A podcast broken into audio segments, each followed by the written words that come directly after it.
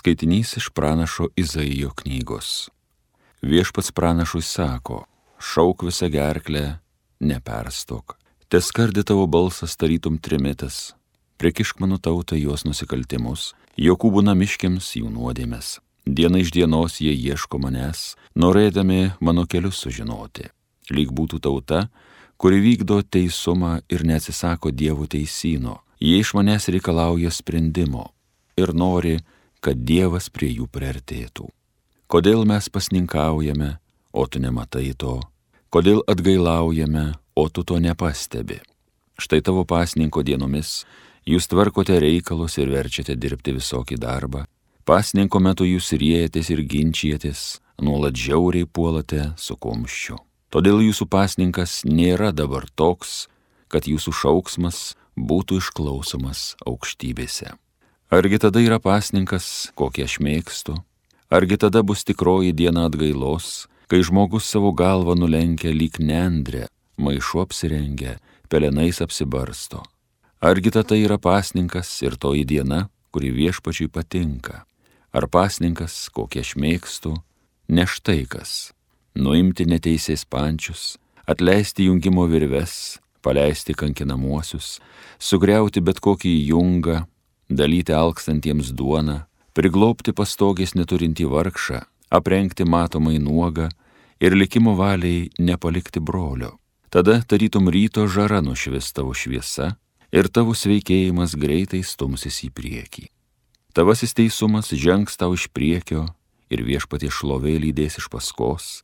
Kai kreipsiesi viešpas atsilieps, kai šauksies jis tars, aš čia.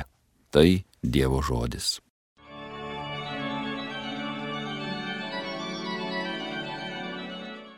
Graudžios nuolankio širdies tu Dieve neatstumsi. Pasigailėk manęs Dieve, tu didžiai gailestingas. Gerumas tavo beribis, naikini mano kaltybę.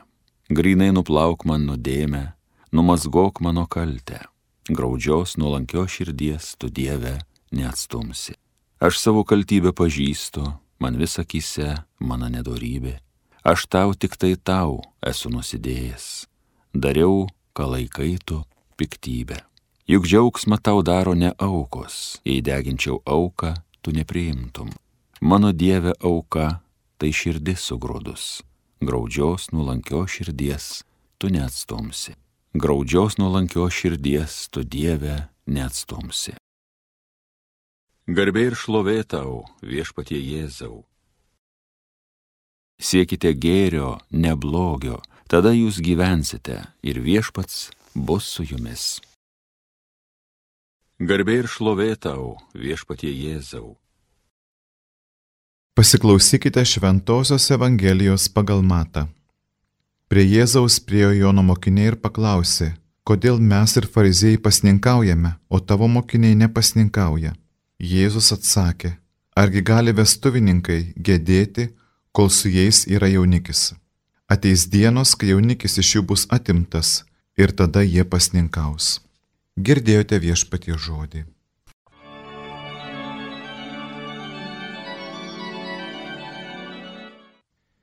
Dievas kalbėjo per Mozę išrinktai tautai Izraeliui. Dievas kalba ir dabar išrinktai tautai per krikštą krikščionims.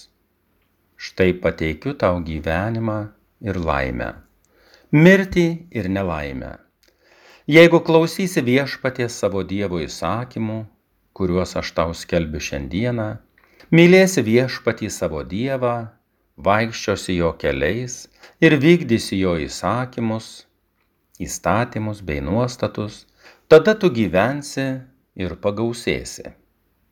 Šiandienos akivaizdoje musulmonai labiau gausėja. Tai akivaizdu, kad jie savo prigimtimi yra ištikimesni Dievui nei mes pakrikštytieji. Nenoriu šiandien vardinti statistikos duomenų abortų ar šeimos klausimais. Tai informacija prieinama kiekvienam, kas tuo domisi. Mielas brolis sesė. Noriu įvardinti šiandienos nuolatinį pavojų, kuris tyko kiekvieno kataliko namuose. Dar tiksliau įsireiškiant, kiekvieno širdyje. Gavėne atgailos metas. Esame kviečiami pasninkauti, tai yra susilaikyti leistinuose dalykuose dėl Dievo meilės, kad išmokę valdytis, tą įgūdį panaudotume išvengdami nuodėmės. Dažnas katalikas paklaustas, ar susilaiko nuo mėsos penktadieniais, atsako, aš ir taip mėsos nevalgau. Tarsi tai būtų valgymo reikalas, o ne Dievo pagarbinimo.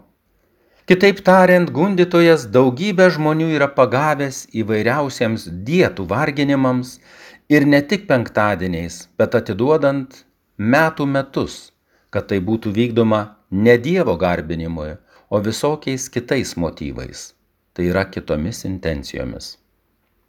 Panašiai kaip prietaruose ar horoskopuose.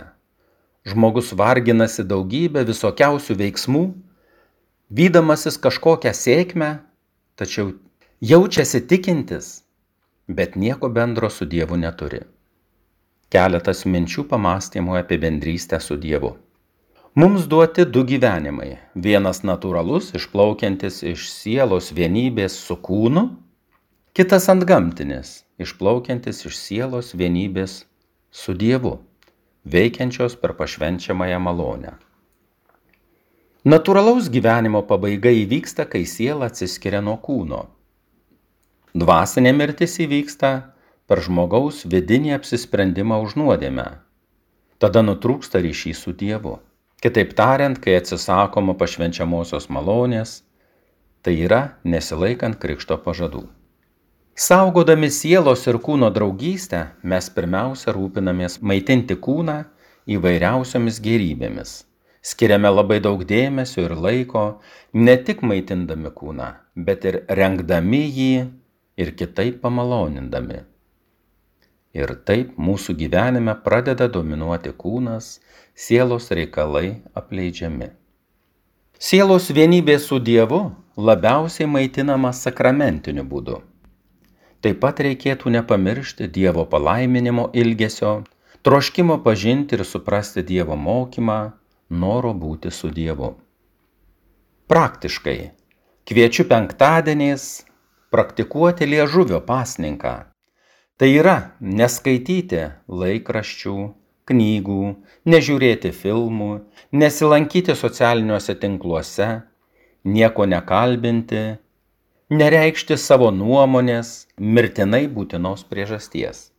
Kitaip tariant, ramiai darbuotis, maloniai atsiliepti, jeigu kas pakalbina, ir skaityti ar klausytis tik Jėzui pagarbinti skirtą informaciją. Viešpats te suteikia tau ramybę.